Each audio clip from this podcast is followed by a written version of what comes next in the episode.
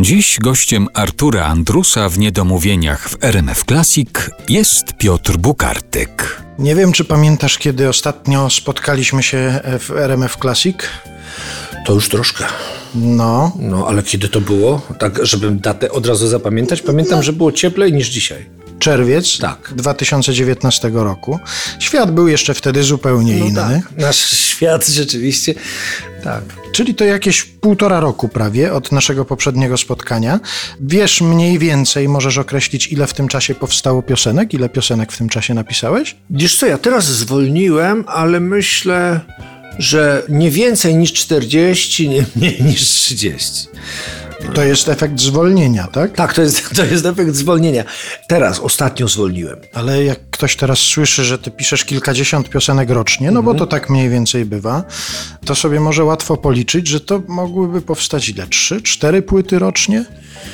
tak naprawdę te piosenki nie przeżyje z nich więcej niż 10%. One po prostu są, wiesz, jest rodzaj jakiegoś takiego felietonu, takiego odruchu, no, że wiesz, ja zawsze siadam, zaczynam stawiać e, pasjanse, już odszedłem od kart, bo ręce wolą, więc już teraz tylko palcem na, na komputerze to robię i zaczynam mniej więcej od 19.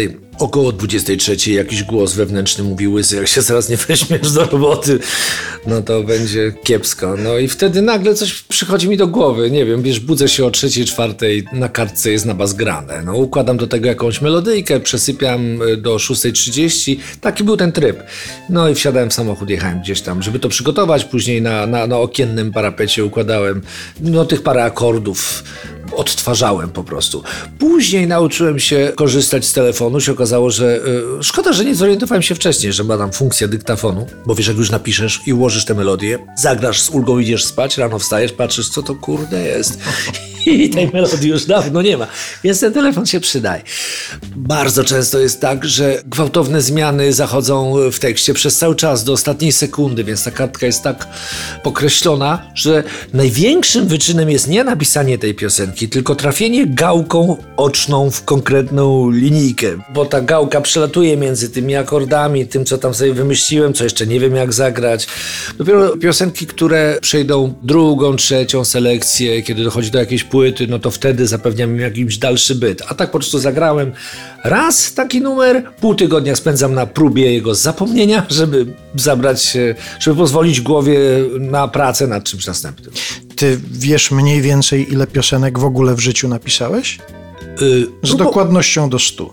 Z dokładnością do stu, powiedzmy tak, z pół bańki. No gdzieś tak, stuwa w tą, stuwa w tą, bo... Czyli yy, 500, tak? Tak, tak, tak, tak, tak. Aha, bańka to tak, to, to więcej, no to 500 tysięcy, to nie. Na razie. Na razie.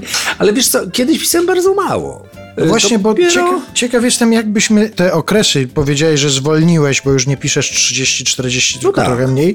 A to jak to było kiedyś? Kiedyś pisałem 3-4 rocznie i to na ogół jesienią, w związku z tym były smutne. W momencie, kiedy się orientowałem, że przecież usiłuję uchodzić za tekściarza, a nic jeszcze w tym roku nie napisałem, więc pisałem piosenki z pretensjami do świata, że mnie nie słucha, przecież ja mam recepty na to, jak zmienić wszystko na lepsze. No to jest ciąg No to dalszy taki- opowieści o tak. optymizmie według Piotra Bukartyka. No trochę tak. No i między innymi od tego są niedomówienia. Żeby publicznie wyrazić pretensje, jakie ma się do świata, swoje Piotr Bukartyk będzie wyrażał już wkrótce. Do rozmowy i do słuchania piosenek niedługo wracamy.